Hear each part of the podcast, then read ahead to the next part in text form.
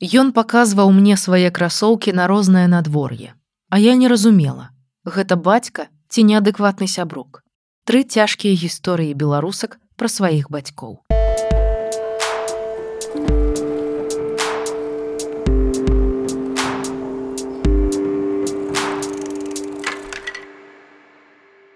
Беларускі расказалі, чаму яны не прымаюць сваіх бацькоў. Чытаць такія гісторыі цяжка, але разумееш, што яны навокал. Можа, і ў вас адгукнецца. Кажуць, якімі б свядомымі не былі бацькі, дзецям усё адно будзе, што расказаць свайму псіхатэрапеўту. Сіцідок спытаў у розных беларусаў і беларусак, чаму яны не прымаюць сваіх бацькоў. Адказы выйшлі драматычнымі. Дана, 24 гады. Часам бацька ішоў мне насустрач і не вітаўся. Бацькі развяліся, калі мне было 6. Першыя гадоў 5 бацька стараўся падтрымліваць са мной зносіны. Часта браў да сябе на выхадныя, дарыў падарункі. Аднак з часам увагі рабілася ўсё менш. Да маіх 11 і 12 гадоў наша камунікацыя зусім спынілася. Ён перастаў тэлефанаваць мне нават на дні нараджэння. Горад у нас маленькі каля 50 тысяч чалавек. І я часта яго бачыла. Нават бывалі сітуацыі, калі ён ішоў мне насустрач і не вітаўся. Мая мама таксама сустракала яго ў горадзе, пыталася, чаму ён не камунікуе з дачкой. У адказ ён мямліў нешта невыразнае, казаў, што нібыта хварэе. Потым у яго з'явілася новая сям'я, жонка і дачка. На вяселле мяне натуральна ніхто не запрашаў, Са зводнай сястрой я незнаёмая. Пра асабістае жыццё бацькі даведвалася ад іншых сваякоў. Я не скажу, што я пакутавала ад таго, што ў мяне не было бацькі. Не памятаю, каб я пра гэта перажывала. Безумоўна, гэта паўплывала на мяне, але цяжка растлумачыць як. Насамрэч, я да гэтага часу не разумею, навошта мне патрэбен бацька і якія абавязкі ён павінен выконваць. Проста таму, што яго не было. Аб'явіўся ён у маім жыцці праз 10 гадоў маўчання, калі мне было 22. Мая бабуля па маці сустрэла яго і адчытала, што ён несумленны бацька. Пасля гэтага ён попрасіў у яе мой нумар телефона. Ведаеце, гэта нейкае неапісальнае пачуццё, калі табе тэлефануе чалавек, прадстаўляецца тваім бацькам, а ты нават не пазнаеш яго голас. Патэлефанаваўшы, ён прапанаваў сустрэцца, Я пагадзілася. На сустрэчы ён неяк дзіўна паводзіў сябе, ці то моцна хваляваўся, ці то нават выпіў для адвагі. Мы размаўлялі, напэўна, каля паўгадзіны. Ён распытваў, хто я і чым жыву. Памятаю, што мне не спадабалася наша размова. Гэта было неяк няскладна. У мяне не было адчування, што вось перада мной мой бацька. Ён шмат расказваў, якая ў яго цудоўная другая дачка, на той момант ёй было 6 гадоў, але пазнаёміць нас ён не гатовы, таму што жонка супраць. У выніку мы разышліся, дамовіўшыся, што ён можа мне тэлефанаваць. Аднак наступным разам ён мне патэлефанаваў праз пару месяцаў. Сказаў толькі, што мяне шукае крымінальны вышук з-за ўдзелу ў мірных акцыях пратэсту пасля выбараў 2020 года. Пасля гэтага я з'ехала з краіны, уладкавалася на новым месцы і неўзабаве вырашыла яму патэлефанаваць, паведаміць, што я ў бяспецы. Мы спрабавалі яшчэ стэлефаноўвацца, але потым я спыніла гэтыя зносіны, бо ўвесь час адчувала, што ён шукае ад мяне нейкай выгады. Дачку ў будучыні куды-небудзь уладкаваць, яму з сям'ёй да мяне прыехаць, калі дома стане небяспечна. Ну і пастаянныя размовы пра грошы. 10 гадоў маўчання аказаліся для мяне вельмі вялікай перашкодай. Ён для мяне чужы чалавек. У нас розныя каштоўнасці, погляды, нам па сутнасці і пагаварыць няма пра што. Вікторыя, 28 гадоў. Усяго гэтага я дамаглася дзякуючы сваёй упартасці і ўсведамленню, што не хачу быць, як яна. Вікторыя была старэйшым дзіцём у сям'і. Акрамя яе ў маці было яшчэ трое і ўсе ад розных мужчын. Па словах дзяўчыны толькі бацька самага малодшага быў ясным сонейкам у нашым жыцці. Астатнія ўвогуле не з'яўляліся. Праўда, і сонейка цешыла дзяцей нядоўга. Мужчына памёр, калі Вікторыі было 10 гадоў. Мама піла, колькі я сябе памятаю. У яе заўсёды былі розныя мужчыны. Яна магла з'ехаць і не з'яўляцца дома тыдзень, месяц. Увесь гэты час мы былі з дзядулем і бабуляй, хоць тая была пасля інсульту. Яны таксама ўжывалі алкаголь, але я пра іх дагэтуль прыгадваю з любоўю і цеплынёй. Па сутнасці з ранніх гадоў на мяне леглі ўсе абавязкі па хаце. Па доглядзе малодшых сясцёр і брата. Мне трэба было гатаваць, праць, прыглядаць за імі. Я стала літаральна маленькай маці для маленькіх дзяцей. Сама я старалася вучыцца максімальна добра, каб ніхто не заўважыў, што ў сям'і ёсць нейкія праблемы але мы жылі ў вёсцы. І мне было вельмі сорамна, калі ва ўсіх аднакласнікаў бацькі прыходзяць на сход, а мае не. Калі ўсе здаюць на рамонт школы, а я не. Калі з садка дзяцей забіраюць мамы, а мяне выхавальніца вядзе дадому, таму што за мной ніхто не прыйшоў. І так пастаянна. Мне было крыўдна, што я нарадзілася ў такой сям'і, што ўсё гэта адбываецца менавіта са мной. Наколькі памятаю, злосці як такой не было. Просто вялікае расчараванне ў чалавеку мама страціла для мяне нейкую каштоўнасць калі бабулі не стала маці першы раз пазбавілі бацькоўскіх правоў нас адправілі ў прытулак але цягам года яна аднавіла правы і мы вярнуліся дадому другі раз яе пазбавілі калі мне было ўжо 16 нас забраў да сябе дзядзька мамчын стрыечны брат. Я пабыла ў яго год а потым ужо пайшла сваёй дорожкай.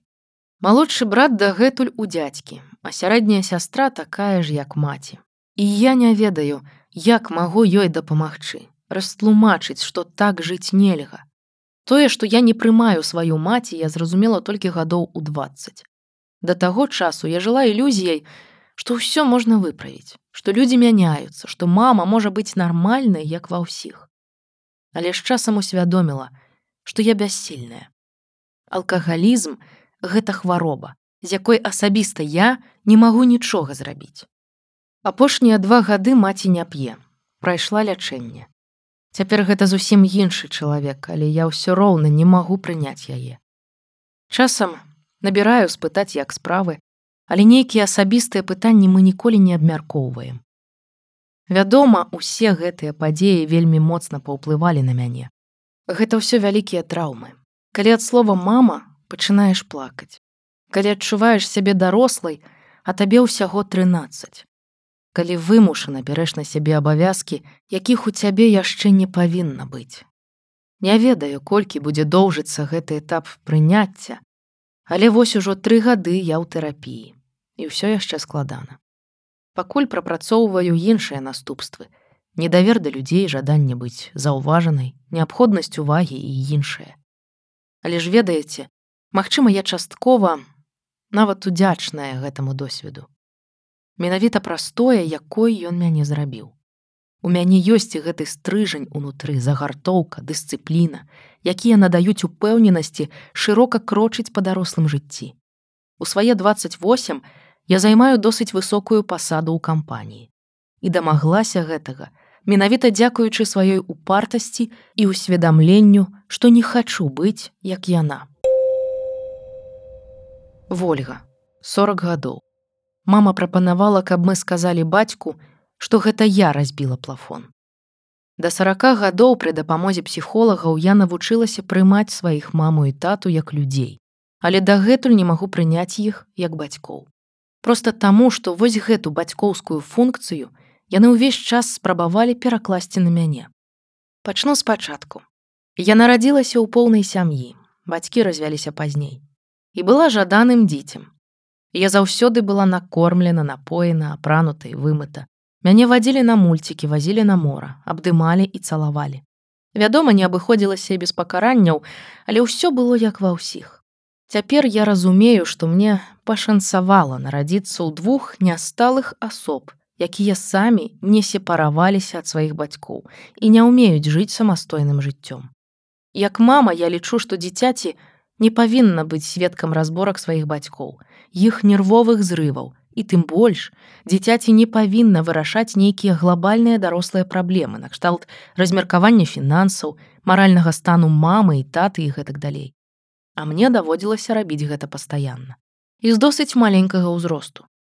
Усё гэта пазбаўляла мяне таго адчування бяспекі, якое павінны забяспечваць бацькі.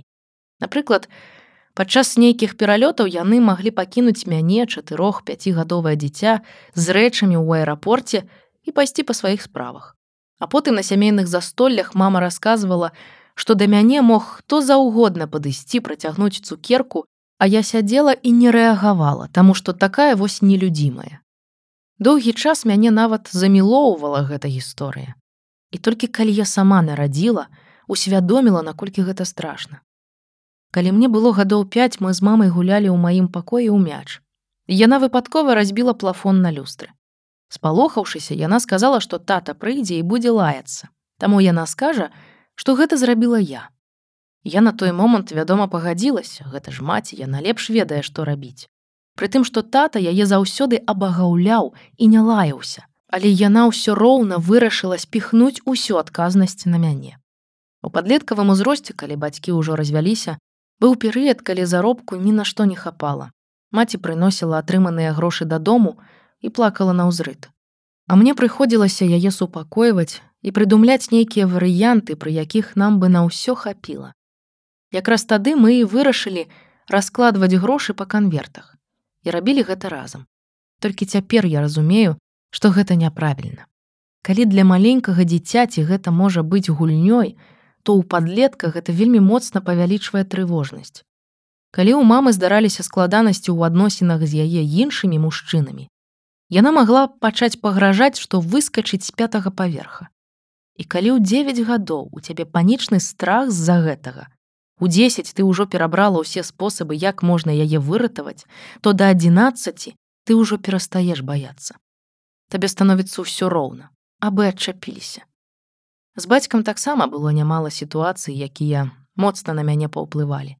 Ён у цэлым заўсёды быў нейкім маленькім хлопчыкам, які не разумеў, як павінен паводзіць сябе тата. Калі мне было гадоў 8, ён пачаў піць і дастаткова моцна. Каб не выпускаць яго з кватэры, мама ставіла мяне ў дзвярах. Відаць, спадзяючыся, што яго гэта спыніць. Але калі чалавек п'яны, у неадэкваце, яму наогул усё роўна, хто там стаіць. Ён проста бярэ за шкірку і кідае праз увесь калідор. І калі ён сыходзіў у запой і не з'яўляўся дома, Мама ніколі не хадзіла шукаць яго адна, толькі са мной. То бок я ўвесь час была трэцяй асобай у іх разборках. Ведала ўсе падрабязнасці іх скандалаў, разводу, дзяльбы маёмасці і іншага. Калі мне было 13 гадоў бацьку ў чарговы раз звольнілі з працы за п'янку. А калі яму нешта не ўдавалася, то кепска было і мне. Памятаю, я сядзела ў сваім пакоі і пісала дамашку, і бацька раптам вырашыў праверыць, як я рыхтую ўрокі, хаця ніколі гэтага не рабіў. Вядома ж, я рабіла памылкі. За гэта ён кожны раз даваў мне пакарку. Ад крыўды і прыніжэння ў мяне цяклі слёзы і капалі на сшытак. А паколькі тады мы пісалі яшчэ чарнільнымі ручкамі, на старонках заставаліся разводы. І хоць памылак ужо не было, з-за гэтых кляксаў бацька зноў і зноў прымушаў мяне перапісваць. У нейкі момант ужо пасля разводу тату ўзялі на працу ў прыватны бізнес. Ён ездзіў у Маскву і кожны раз вяртаўся з абноўкамі. Якраз у той перыяд, калі мы з мамай дзялілі грошы па канвертах, а я хадзіла ў старым дзядуліным паліто. Бацька браў мяне да сябе на выхадныя і паказваў свае спартовыя гарнітуры і красоўкі на рознае надвор'е. Вось гэта на выпадак дажджу, а вось гэта на сонца. Я сядзела і не разумела, як наогул так можа быць. Вось сяджу я, не чужая дзяўчынка, а яго дачка, у рваным адзенні, а вось ён выхваляецца сваімі абноўкамі. Гэта бацька наогул ці нейкі не зусім адэкватны сябрук. У дзяцінстве я вельмі любіла сваіх бацькоў. Я была вельмі тактыльнай, мне ўвесь час хацелася абдымаць іх, цалаваць, казаць важныя словы. Але з цягам часу з-за іх паводзін я пачала закрывацца, аддаляцца ад іх. І ўся моя дзіцячая любоў у выніку трансфармавалася ў звычайнае разуменне, што гэта проста мае бацькі, а яшчэ ў пачуццё віны, што я дрэнная дачка, бо не прымаю іх. І калі сабе дараваць гэта пачуццё я магу, то ім агучваць не хацелася б. каб не параніць. Калі бацькі маіх бацькоў памерлі з розніцай у год, мама і тата раптам успомнілі, што ў іх жа ёсць яшчэ і я і сталі літаральна патрабаваць ад мяне пяшчоты, клопату, увагі, часу і гэтак далей. Гэта выклікала ў мяне крайні супраціў. Год таму я з'ехала з Беларусі і цяпер з бацькамі маю зносіны рэдка. Яны не атрымліваюць ад мяне той падтрымкі і цеплыні, у якіх магчыма маюць патрэбу ў сваім узросце. Але цяпер я дарослая і сама нясу за гэта адказнасць. Я не магу і не хачу быць ім трэцім бацькам і даваць тое, чаго яны хочуць. У мяне няма для гэтага ні рэсурсу, ні жадання.